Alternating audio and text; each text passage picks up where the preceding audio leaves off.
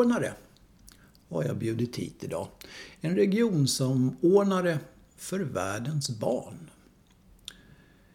Hon heter Ulli Söderpalm Lör och är Tyresöbo. Och hennes hjärta klappar väl förstås lite extra då för Tyresö och för insamlingen som görs här. Eh, hon ska få berätta lite grann om hur det här går till så här i dessa tider när det inte alltid är så lätt att gå omkring och skramla med en bössa i Tyresö centrum. Eh, hon ska också få berätta hur en eldsjäl tänker när man lägger ner det här jättejobbet på att hjälpa världens barn. Så häng med mig så ska vi höra vem människan är bakom den här regionsamordnaren. Jag heter Lalle Viborg. Du lyssnar på Tyresö radion. Hjärtligt välkommen. Då så. Då har vi eh, laddat med kaffe och bullar och grejer. Och vi sitter ju då som sig bör utomhus här hos mig i Trollbäcken. Eh, det blåser i träna som det sägs i visan. Grannen håller på att byta tak så det, vi blir ackompanjerade av en spikpistol mellan varven men det smällar man får ta. Eh, välkommen Ulli! Tackar!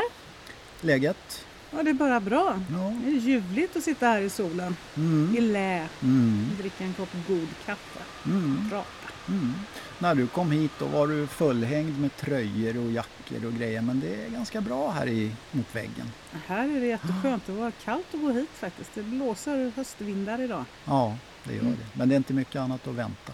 Nej. Hej. Nu är ju du här i egenskap av någonting väldigt fint som heter Eh, ja, vad heter det nu då? Regionsamordnare. Så heter det, för världens barn. Yes. Mm.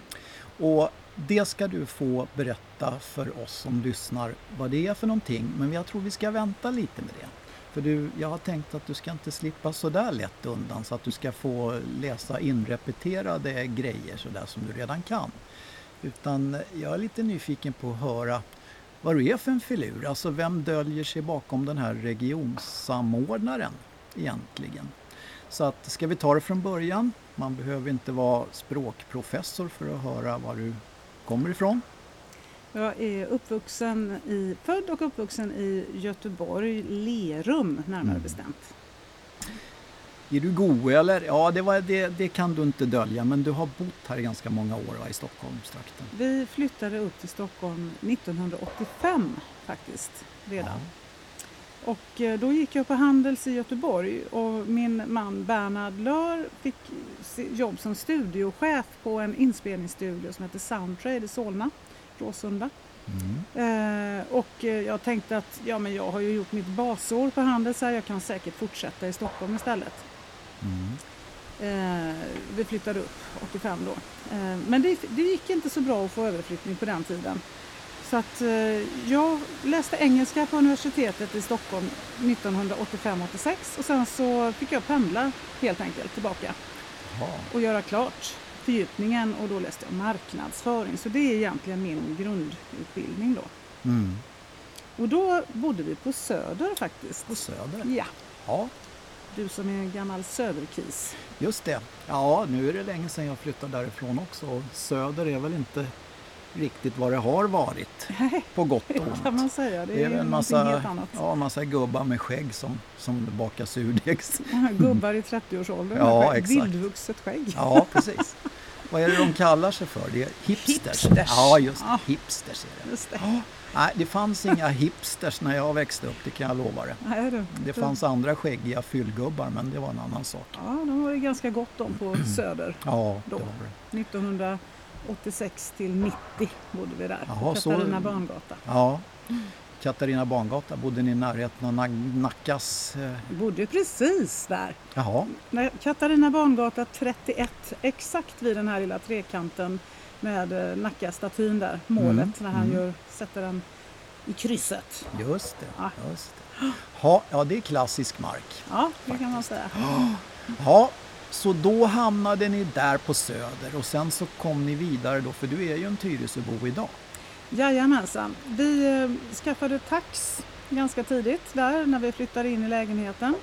Eh, vi är båda uppvuxna med djur och tyckte att nu vill vi ha en hund. Och Bernhard sa, ska det vara hund så ska det vara tax. Ja. Jagar han eller? Nej, men han är uppvuxen med taxar Jaha. i Karlskoga är Bernhard ifrån från början. Okej. Och jag ville ju bara ha hund så att då fick det väl bli tax då. Mm. Ja, ja.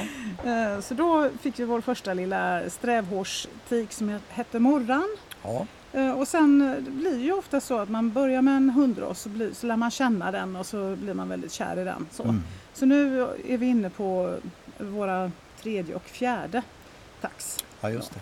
Ni har två stycken Ja, nu har- idag ja. Mm. Precis, vi har eh, en tjej på sex år och en liten kille, eller en ganska stor kille på Mm. ett och ett halvt. Jaha, så Sonja, det, Sonja och Pompe. ja, men det är alltså en han och en tik. Hur funkar det då? Hon är kastrerad nu. Jaha, okej. För hon skulle Mm. inte ha några fler valpar tyckte veterinären. Så, Nej. så då tänkte vi att då är det lika bra. Det blir ju lite lugnare hemma på det viset. Det, de är så tajta och det funkar så himla bra. Det är så roligt. Vad härligt. De älskar varandra verkligen. Ja. Men detta med hund gjorde ju då också att vi kände så småningom att nej, vi måste ut från stan. För att det blev så, alltså Morran, taxen, hon blev ju deprimerad av att gå runt Nytorgsparken och Vita bergen eller vi, Bita vargen som vi kallar den. det. Exakt. Hon tyckte det var så tråkigt att gå samma runder hela tiden. Även om vi åkte ut till Hellasgården och vi försökte hitta alla möjliga ställen hela tiden och åka ut till varje helg. Mm. Men det blir liksom ändå inte det dagliga då. Nej, det kan det ju inte bli. Och vi längtade efter att kunna liksom bo i ett hus där man bara kan öppna dörren och, och gå ut så är man ute. Mm. Eh, båda två uppvuxna på det sättet då. Mm. Så 1990 flyttade vi hit till Skälsätra i Trollbäcken, Tyresö. Ja. Och det var inget beslut som ni har behövt ångra? Nej, så nöjda. Vi Ja. är så, alltså det, det står ju någonstans, någon, är det någon slogan eller det står en skylt vid Lidl, eller hur? Där det står nö- nöjdast i länet. Ja, Någonting. Nöjdaste ja. invånare i länet. Det kan jag nog skriva under på. Vi Ja. stormtrivs i Tyresö. Vi har ju naturen och Tyresta naturreservat helt runt hörnet bara. Mm. Och vi är mycket ute i skogen och vi älskar det. Det är väl det som är finessen egentligen med Tyresö. Att skogen åt ena hållet och Stureplan åt andra om man Ja. föredrar det. Ja, då vänder vi ofta näsan åt skogen då. Ja, jag måste nog instämma i det påståendet. Sture, Sture P, det är förbi. Det syns lång gång i Ja. våra liv. Ja, precis. Ja, så är det. Inget större behov av den Nej. typen av förströelse längre. Nej, precis. Och, nej då, men eh, sen så förstår jag då att när du har kommit upp i, jag ska inte säga mogen ålder utan vuxen ålder, Mognare. ja mognare ålder, så, så halkar du in på någonting som har med välgörenhet att göra. Ja, Och hur kom sig det? det kom sig så att jag kände att jag var väldigt mätt och nöjd med att ha jobbat med försäljning och marknad i så många år. Och jobbar med produkter och för företag som ja, jag själv kanske inte kände att jag brann för direkt. Så. Men eh, att när man då ska övertyga folk om att de har behov av någonting som de inte ens vet om. Så, vilket ju kanske själva kärnan i säljet på många, många gånger då. Eh, oavsett hur bra produkter eller inte så kände jag att nej, jag vill göra någon typ, någonting som gör livet lite bättre för någon annan. Om jag kan. Mm. Och då eh, öppnade sig den här möjligheten 2013 eh, att Världens barn sökte regionsamordnare i Stockholm. Och då sökte jag det och eh, så fick jag det och jag kände att ja, härligt att veta att det jag gör faktiskt betyder någonting också. Mm.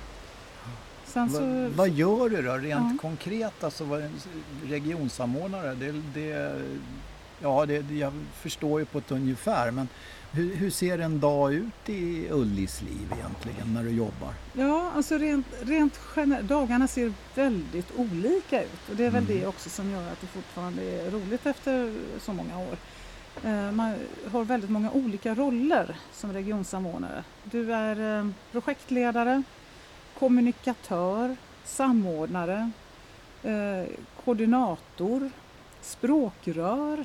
Ja, Ja, alltså... du, det sägs ju att hon eh, Isabella Lövin ska kliva av nu. ja, kanske? kanske kan bli kollega då? Nej, jag tänkte om du skulle bli Ja, språkrör. ja, du. Jag håller mig undan politiken känner jag. det, det, det kanske är lika bra. Det tycker jag nog. Det var bara för att just uttrycket språkrör Ja, passade ja, så bra. Där. Mm. Ja, förlåt, ja, en som lite- vanligt så, så blev det ett sidospår. Ja, det det var ju lite med tanke på det. Så, ja, Ja. det var lite Mm. skoj. Nej, men eh, vi gör en väldig massa olika saker. Och det är planering. Eh, det är planering och administration också förstås. Man har ju eh, massa kontaktlistor och projekt och grejer som man ska hålla ordning på. Men det är också väldigt mycket möten. Mm. Eh, Och vår roll är sådan att vi är ju anställda för att samordna insamlingen i våra respektive regioner. Mm. Och då jobbar vi mot de frivilliga. Och då är det så här, då kan vi backa tillbaka lite och då för att förklara vad är Världens barn egentligen? Det är Radiohjälpens största insamling och Sveriges största insamling. Vad bra, då slapp jag fråga om det. Ja, Mm. som knyter till sig 14 stycken av de största humanitära organisationerna i Sverige. Som då skriver avtal med Radiohjälpen. Som då skickar in resurser i form av pengar och eh, andra mänskliga resurser eh, eller på olika sätt för att eh, förverkliga insamlingen. Så att den kan bli av. Eh, och sen så gör man det så har man också då rätt att söka pengar ur den insamlade potten. Och då gör man det till eh, redan då eh, namngivna projekt som man har ute i världen där man Mm. hjälper barn. Och det är långsiktiga projekt och det handlar om barns hälsa, skola och trygghet. Så att det är, väldigt, väldigt noggrant och det är extremt tuffa kriterier för att få lov att vara med och för att få lov att söka pengar till de här. Så att eh, det är eh, så som det är uppbyggt då. och då är vår roll det att vara eh, kittet mellan Radiohjälpen, organisationerna och alla de här frivilliga människorna som förverkligar insamlingen ute i landet. Mm. Vi pratar om cirka 45 000 människor runt om i Svea rike Jösses. som jobbar helt ideellt för att få till stånd den här insamlingen. Ja, det är fantastiskt. Ja. Det är det. Nej, ja, och när man kommer i, när, man, när jag då som inte är insatt i ämnet hör världens barn då tänker jag ju då förutom på de här tv-galorna och det så tänker jag ju på människor som går runt och skramlar med bössan i centrum lite överallt. Och det är inte så lätt idag. Nej, För det första så är det coronatider. För det andra så har ju inte folk några kontanter. Hur Nej, precis. får ni stil på det där då? Ja, och det där, alltså corona är ju unikt för i år och det är ju Mm. samma för alla överallt i hela världen förstås då och då gäller det ju att hantera situationen. Hur gör vi? Lägger vi oss platt och ger upp? Eller gör, försöker vi att, att genomföra det här ändå? Vi, vårt motto i år är att vi ställer inte in, vi ställer om. Mm. Ehm, och eh, det här med kontanterna det är ju inte nytt utan det har ju varit en eh, ja, dalande volym av kontanter de senaste åren. Jag vet inte liksom riktigt eh, ur tidsperspektiv då hur länge det har blivit så men eh, speciellt nu då med tanke på att eh, det finns andra alla har kort för det första Ja. och att det finns nu då möjlighet till Swish och sådär. Mm. Och att alla gör ju sina bankärenden på datorn. Eh, Så man behöver ju inte kontanter längre Nej. alls. Nej, det är klart. Men har du någon uppfattning om, jag menar om jag nu kommer och, och det kommer en människa med bössa Mm. och jag har, säg att jag har 4-5 kronor, eller hade då när man hade det. Så är det ju lätt liksom så här, ja men. Mm. Men det är ju en betydligt större apparat om man ska börja swisha eller om man ska sätta sig framför, gå hem och sätta sig framför datorn och, och, och skänka 20 spänn Mm. eller vad det nu var. Precis. Har det blivit liksom mycket, mycket, har det minskat mycket? Eh, det- Jag skulle säga att det har inte minskat på grund Insamlingen har inte minskat på grund av färre kontanter i omlopp. Nej. Det skulle jag inte säga. Eh, insättningarna, eh, framförallt på Swish, ökar ju enormt mm. varje år. Mm. Och folk gör insättningar på andra sätt och så. Så att man går runt med sin bössa och skramlar, som det heter, det är ju ett begrepp. Liksom. Mm. Men man har också med sig information om hur man gör för att sätta in pengar på annat sätt. Och då det som är superenkelt och smidigt eh, som kommer allt mer och som allt fler lär sig att behärska också det är ju att swisha med hjälp av QR-kod. Mm. Eh, och då kan man ju tycka att åh vad jobbigt, ytterligare en teknisk sak som man måste ta till sig och lära sig. Men det är så himla busenkelt egentligen så att då, har, då gör vi så att då har man en QR-kod på den här bössgörden som det heter som är runt bössan. Mm.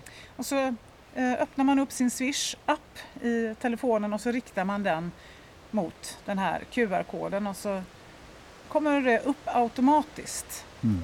Så man behöver inte knappa in nummer eller någonting utan det kommer, numret kommer upp automatiskt eh, och du fyller bara i din summa och sen så där behöver du ju förstås då verifiera via BankID men det, det kommer ju upp automatiskt ja, också. Det, det är man ju van vid om man ja. har ett. Så att... Precis, så är du van att swisha så är det här absolut eh, det enklaste. Det är nästan mm. enklare än att stoppa handen i fickan och dra upp de där fyra kronorna faktiskt. Mm. Och oftast blir det ju då kanske inte fyra kronor man swishar utan då kanske man swishar en 20 åtminstone eller ja. en 50-lapp. Ja, det kanske man gör. Om man har möjlighet. Man mm. swishar mm. det man har möjlighet till. Det vill jag absolut också poängtera nu då, att det, jag föraktar inte den som ger fyra kronor eller en krona ens. Man ger det man har möjlighet till. Mm. Och varenda eviga krona räknas. Och gör hjälp där ute. Det fanns gamla skyltar förut där det stod alla bidrag mottagits tacksamt. Ja. Den skulle kunna passa in där. den passar, den ja. passar alltid. Ja. alltid, alltid. Vad härligt. Sen så har, har ju du, berättar du för mig, en liten hjärtefråga och det är ju det här med, med insamlingen i kommunen. Alltså, ja. Ni har det som en liten intern tävling eller hur funkar det? Där? Visst, alltså jag är ju inte bara regionsamordnare, jag är ju Tyresöbo också. Just det. Just det. Mm. Inte minst. Jag brinner ju för den här kommunen. Jag tycker det är fantastiskt att bo här och trivs väldigt, väldigt fint. Och vi har någonting som vi, en liten lekfull, eh, ett lekfullt inslag i kampanjen kan vi säga. För det här är absolut inget måste och det är bara om man tycker att det är kul. Så eh, är det så att eh, kommunerna kan då jämföra sina resultat mot övriga kommuner i landet. Mm. Och då kan vi särskilja detta genom att vi har, alltså alla kommuner alla kommuner i landet, trafiken finns liksom. Ja, eller? Det är bara ja, så. Ja, ja, jo, jo. Fast de måste Men ju inte kan, köra här just måste, nu. De, kan de inte köra lite tyst? Ja. Lägg i fyran istället. Ja, ta en annan väg. Ja, ja. ja, förlåt. Jo, eh, då, då är det så att alla kommuner i eh, Sverige är numrerade och det är ingenting som vi har hittat på utan det är Sveriges kommuner och mm. landsting. Eller hur, vem det nu är. Men så, det, mm. så är det uppdelat i alla fall. Det, det är och, faktiskt samma fyra siffror som står i deklarationen. Just det, mm. helt riktigt. I, I det här fallet så är det ju då 0138. Just precis, ja. bra det här. Ja, ja. jo, man ja. kan ju lite skit. Nej, då, men, men eh, som sagt, du berättade det för mig för en stund Och du kom ihåg dessutom, ja, det är inte nej, dåligt. Nej. nej. men vi använder oss av det här för att uh, sortera upp uh, kommunerna då och alltså insamlingsresultatet. Och detta gör vi den 3 oktober. Um, och, det, och det, här är, man kan skita i det och swisha in till Radiohjälpen 90 1950. Streck 6. Ja, så skit, ja. skit i strecket. Ja, skit i strecket. Ja. 90 1950 och sen sexa. Mm. Uh, och så swishar man sitt belopp om man känner för det. Men vill man hjälpa sin hemkommun lite granna på traven så skriver man i kommentarsfältet, där noteringsfältet på Swish, så skriver man barn 0138 så hamnar de här pengarna på Tyresös resultat. Så hjälper vi Tyresö att komma lite högre upp mm. i listan helt enkelt. Och det tycker ju vi såklart är jätteviktigt, vi som bor här. Ja, det är vi klart. Vi vill ju vara bäst. Ja, det vill vi. Ja, absolut. absolut. Jaha, men varför ska man... Det finns ju många fina organisationer som samlar in pengar till olika bra ändamål. Varför ska man skänka pengar just till världens barn då? Ja, det kan man fråga sig och jag skulle vilja säga att allt engagemang är bra och är det någon som hellre vill göra på något annat sätt så tycker jag att då ska man göra det. Eh, man ska följa sitt hjärta. Det viktigaste i sammanhanget är att man brinner för att hjälpa någon annan. Det är ju det jag drivs av i det här sammanhanget. Det som jag tycker är det finaste egentligen med Världens barn det är att det är tillsammans för världens barn. Och det är att det är de här organisationerna, de lägger ner sina flaggor och sin identitet i det här sammanhanget och går ihop i en gemensam insats för att hjälpa barnen där ute. Som, ja, och då, kan ju folk, då är ju följdfrågan, ja men vi har ju massa barn som mår dåligt här. Ja. Ja, absolut, och det har vi och de behöver också hjälp. Mm. Eh, och de, eh, här organisationerna har samtliga program som jobbar med det också. Just insamlingen Världens barn jobbar med att hjälpa de här barnen där ute som kanske inte ens har möjlighet att fly hit. De har Nej. ingen möjlighet att fly ens. Och de behöver desperat hjälp. Mm. Och särskilt i de här tiderna med Corona. Barnen drabbas hårdast, som alltid, av alla konflikter och krig och pandemier och ja, ut- epidemier och vad det nu kan vara för någonting. Så drabbas barnen hårdast. Just nu så är det 1,25 miljarder barn som inte kan, får gå i skolan på grund av den här epidemin. De hålls hemma därför att man vill minska eh, smittspridningen. De har inte samma strategier som vi har här i Sverige. Det här innebär att de blir mer utsatta för våld i hemmet och föräldrarna får inte gå till jobbet, de kan inte tjäna pengar, de får ingen mat helt enkelt. Så svält och våld blir följderna av pandemin och barnen drabbas absolut hårdast av detta. Mm. Är, är det några speciella, nu ska jag inte säga kampanjer, ska jag inte, ska jag inte kalla det för, men är det några speciella projekt som är extra aktuella just nu? Eh, det gör det ju. Absolut. Det finns, eh, och då, vi ställer inte in, vi ställer om. Det gäller ju Mm. våra organisationer också. Eh, våra säger jag eftersom det är en Världens barn, Riksinsamlingen Världens barn är en förening och de här är medlemmar. Då. Så våra organisationer då, alla de här 14. Vi pratar om eh, Röda Korset, Rädda Barnen, Svenska kyrkan, Pingstkyrkan, Afrikagrupperna, Barnfonden, Svenska Afghanistankommittén och så vidare. Eh, Ett helt, ett helt gäng organisationer. Eh, De eh, har ju ställt om sina projekt där ute Mm. för corona-anpassning då och fokuserar ju väldigt mycket på just de här aspekterna av eh, insamlingsarbetet och, och projektarbetet där ute. Så att jag skulle säga att ja, det gäller nog alla. Ja. ja, det är ju verkligen inte något lätt, lätt eh, jobb du har på det sättet. Det, alltså det är ju ett viktigt jobb men det kan ju inte vara så väldans lätt att försöka samordna så många saker. Nej, det är många trådar att hålla i det kan man säga. Mm. Och det är förstås också en utmaning i, i år för vi är ju också drabbade här. Ja. Och eh, vi har ju med våran strategi då eh, isolerat 70-plussarna. Och det är ju så att väldigt många av de här frivilliga krafterna som gör fantastiska jobb är just 70 plus. Man är pensionär men man har massor av energi och engagemang Mm. och vill jättegärna göra något vettigt av sin tid. Och nu känner många att nej, jag, jag får inte göra någonting. Nej. Eh, Så det är ju absolut en utmaning. Men jag vill verkligen uppmuntra alla där ute som känner att ja, men jag vill också att det finns verkligen möjligheter att göra insamling på ett coronasäkert sätt också. Det går att skapa social distans eh, för att om man nu skulle vilja skramla bössa. Eh, man kan, eh, jag har en eldsjäl i Ängelholm, jag skrattar lite gott och med värme i hjärtat när jag pratar om henne för hon är så underbar. Vi har en eldsjäl i Ängelholm som heter Siggan. Hon närmar sig nog 90 snart tror jag. Hon är i alla fall 80 plus med råge. Och hon brinner verkligen för världens barn och hon vägrar att hålla sig hemma.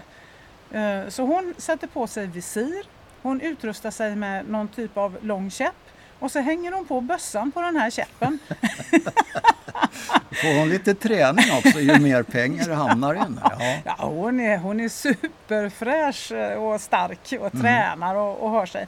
Så det orkar hon säkert. Eh, och så har hon på sig eh, de attribut som man ska, de är kroppsbanderoller där det står världens barn. Det signalerar ju hon, det syns lång väg att det här är världens barn. Liksom. Mm. Så hon tänker inte låta sig stoppas av detta utan hon, eh, hon ser till att hon kan samla in. Härligt. Och en annan, ett, ett annat exempel är att jag har en kollega som är väldigt mycket eldsjäl också som bor i i Eskilstuna. Han heter Göran Klingensjö och han har massa roller. Han är regionsamordnare och han är kommunsamordnare hemma i Eskilstuna och han är biträdande kampanjledare och han är helt otrolig. Han, eh, förutom att han gör allt det här så är han dessutom ute och skramlar själv hela tiden och hittar på grejer. Så han eh, tog ett eh, litet bord, ungefär som vårt kaffebord här, Lelle. Mm, mm. Och tog med sig det Eh, och ställde sig på det, mest, eh, ja, det bästa stället i Eskilstuna där det flödar som mest människor då helt enkelt. Det kanske var utanför systemet eventuellt. troligt. Ja, ja. Eh, och så ställde han bössan på det här bordet. Han hängde på en affisch med den här berömda QR-koden som jag pratade om förut. Där man bara behöver rikta kameran på Swish på sin, sin smartphone. Eh, och så ställde han sig en meter bakom med eh, då denna kroppsbanderoll med världens barn och, och, med, och så har han lagt broschyrer på det här bordet då, så att alla kan, som går förbi kan få information och de kan prata med honom på lite säkert avstånd och, och lägga en peng i bössan eller swisha om man vill också. Mm. Så att om man vill så går det. Därmed sagt, ja. jättenoga. Jag vill absolut inte uppmana någon som känner sig osäker och på smittsituationen eller så. Utan man, alla måste göra som man vill själv och som man känner att man känner sig trygg med. Mm. Så jag uppmanar ingen att göra någonting som man inte själv känner att man vill. Ja. Det, men om man vill så mm. finns det det är ju bara fantasin som sätter gränser egentligen. Mm. Ja, precis. Ja, det låter ju som ett par riktiga praktexempel på eldsjälar det där som du har dragit vad sa du, Eskilstuna och Ängelholm. Ja. Mm, men så har vi Tyresö, då har vi ju dig här också. Ja, just det. Ja, så att, jag får, eh, det jag finns får väl en... gå ut och ställa mig någonstans. Ja, du får göra det. En, eh, en annan helt ovidkommande fråga som jag, det brukar röra sig lite i mitt huvud när, när man sitter och pratar så här och det är det. Jag vill höra ditt förhållande till racerbilar. Aha! Mm. Där har vi ju en annan del, en Just helt det. annan Just det. del av Köping. Mm. Just det. ja, jo det där är ju ett intresse då som eh, kom med min man som är från Karlskoga som då är motorburen ungdom kan, kanon, från början. Kanonloppet. Jajamensan. Mm. Mm. Eh, Gelleråsen är hemmabanan vet du, mm. såklart. Mm.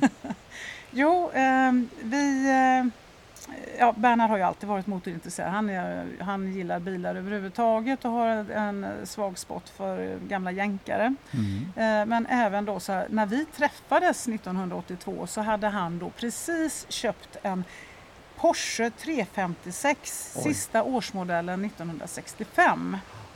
Och då, då 356 för de som inte är riktigt insatta, det är alltså James Dean-modellen, ja, en sån som han förr lyckades med. Precis, den här lite galoschmodellen, ja, Ahlgrens bilar lite grann mm, så. Lite bullig. Lite bullig och söt, mm. jättefin så. Mm. Det var nog därför jag föll för honom. Det var bilen som gjorde det. Det var inte han, utan var, själv var han inte liten och bullig. var liten och ämlig. Ja, okej. Okay, ja.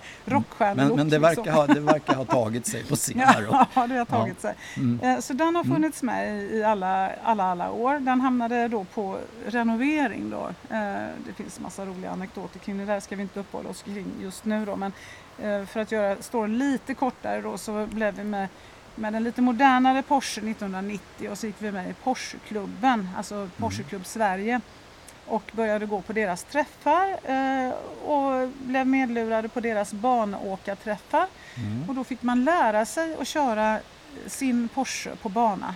Och det var Mantorp första gången, Mantorp ja. Park. Mm. Och då blev vi ju fullständigt frälsta direkt. Ja. Och blev eh, då stamgäster på dessa banmöten runt om i Sverige på Sveriges eh, racerbanor. Och sen så blev jag instruktör i Porscheklubben. Ja, alltså instruktör för förarna? Ja. ja. Precis. Eh, och sen så tyckte vi att nej, nu vill vi tävla. Men det sa Porsche Club Sverige att det kan vi inte göra i den här klubben eh, för att det täcker inte försäkringarna. Eh, så då startade vi upp en dotterklubb, eller ja det är ju en helt egen juridisk person men med väldigt nära samarbete med Porsche Club Sverige. En klubb som då heter PCS Racing. Jaha. PCS då är ju Porsche Club Sverige. Mm. Eh, och det gjorde vi 1995 och då köpte vi en eh, racer Porsche, en Cup eh, 91 tror jag det var. Och eh, körde klubbracing i eh, några år och eh, satt med i styrelsen eh, och ordförande var jag där i några år också. Och sen så tyckte vi att nu kan vi det här så nu vill vi gå vidare. Så då köpte vi en lite värre racerbil, en 993 RSR som bara finns i några få exemplar som eh, underbar bil och den vackraste karossen tycker jag. Så då körde vi eh, road, race, eh, road sport, modsport och sen sedermera SLC som är då Svenska långloppskuppen Mhm. som då fortfarande håller på faktiskt tror jag. Och det körde vi nog från eh, 2000 någonting där. Vi började också, nu glömmer jag bort att vi faktiskt körde SM till och med eh, som i en stödklass till STCC som hette GTR. Och då var det så himla finurligt att då var det eh, 40 minuters race med obligatoriskt förarbyte. Så då var man två. Okej. Så då körde vi tillsammans. Typ Le Mans alltså. Ja, Mm. precis. Fast lite kortare. Och då körde man 20 minuter och så in och byta förare fort som attan. Och sen så körde nästa person i mål. Mm. Och det var jätteroligt. Förstår jag. Ja, sen Mm. jackade vi upp till en ännu modernare bil då så småningom. En 996 eh, GT3 RSR. Eh, och fortsatte att köra detta då tills 2004 så eh, började eh, Carrera Cup. Och då är det en enhetsklass med samma typ av Porsche. Eh, som alla ska ha och då tyckte vi att men vi har ju en mycket ballare, den är ju mycket vassare, varför ska vi Mm. betala mer för att köra långsammare? Ja. Mm. Så då, då gick, det var då vi på allvar gick över till den här svenska långloppskuppen istället. Då. Sen så blev det några långlopp på, internationellt också på, på spa och på Nybörring och sådär.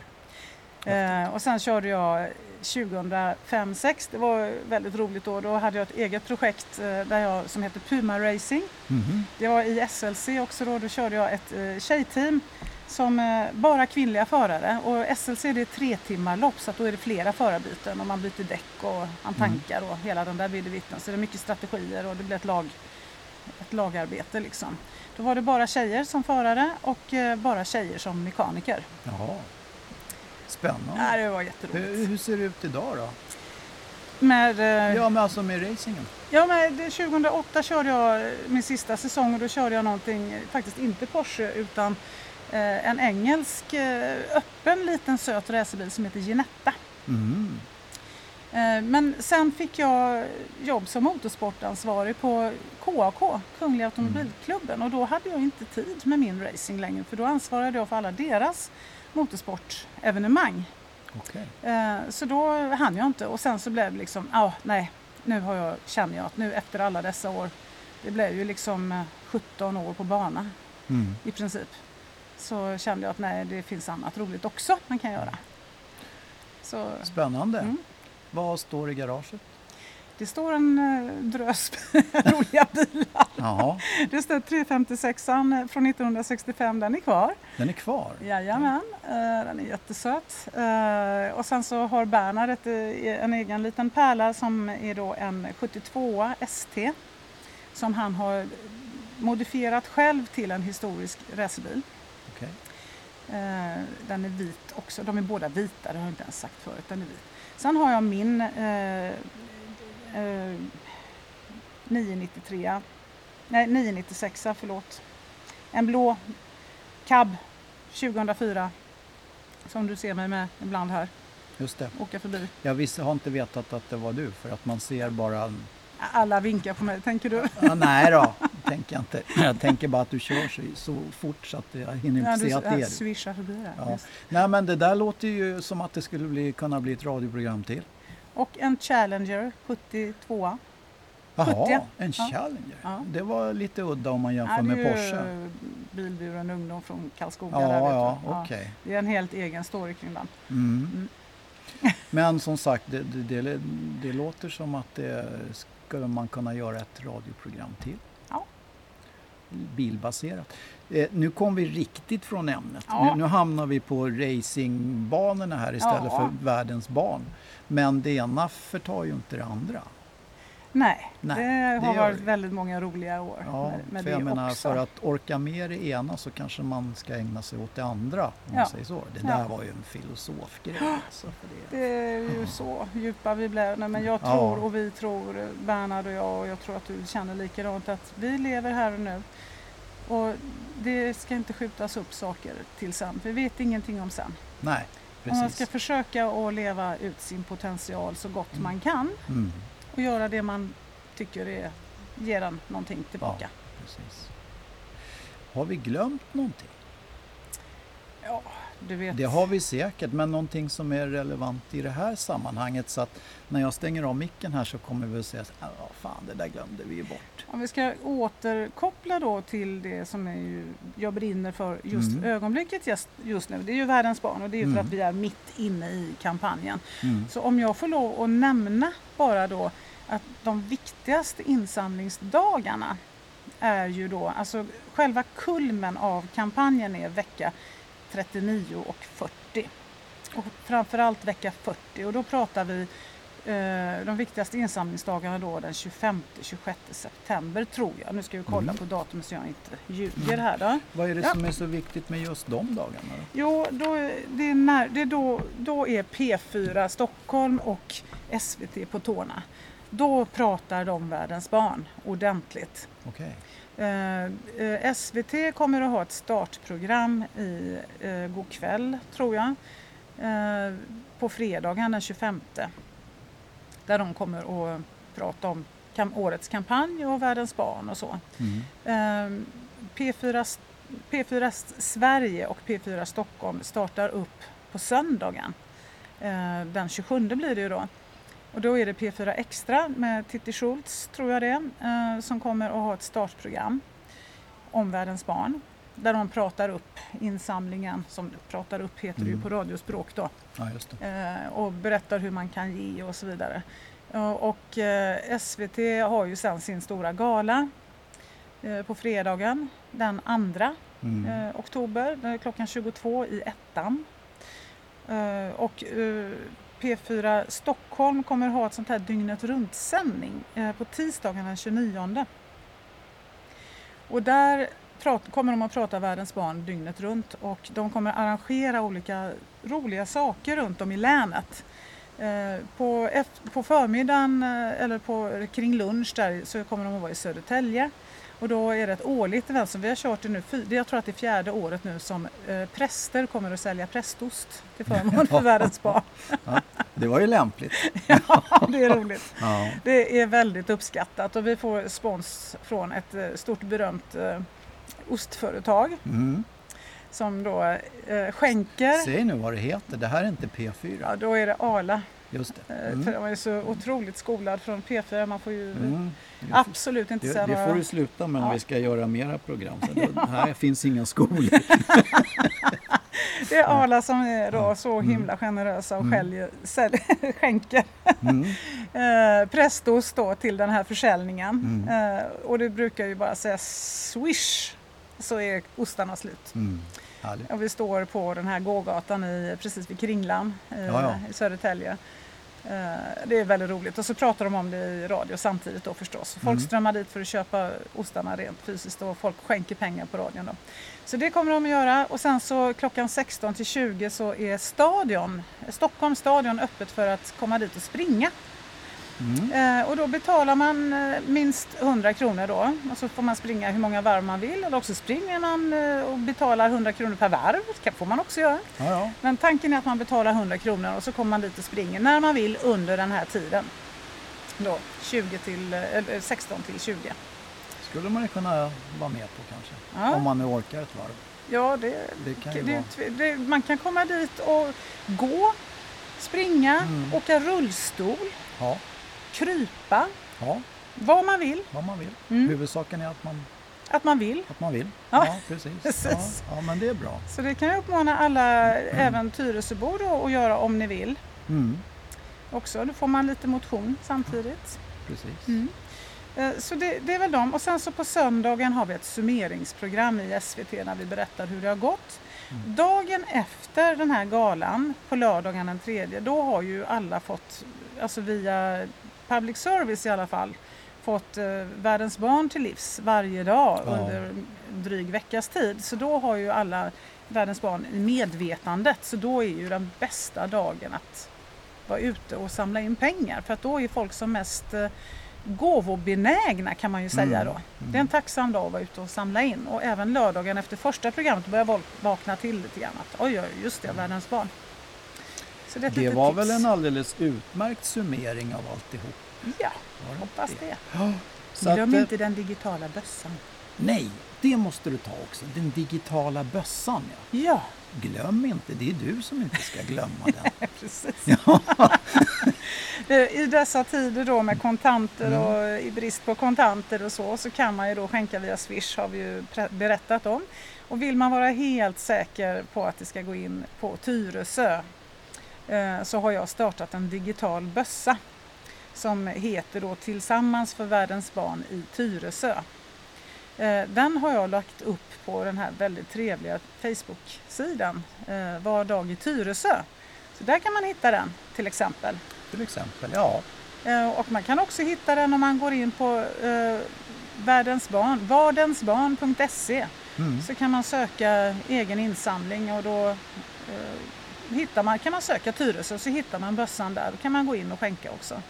Man kan också gå in på eh, eh, Världens barn Region Stockholm på Facebook så ska jag dela den där också. Perfekt. Och då kan jag också uppmana alla att dela den gärna själva. Skänk en liten slant och så dela den till alla era kompisar på Facebook eller Twitter eller, eller copy-pasta länken och skicka i mail om man tycker att det är enklare.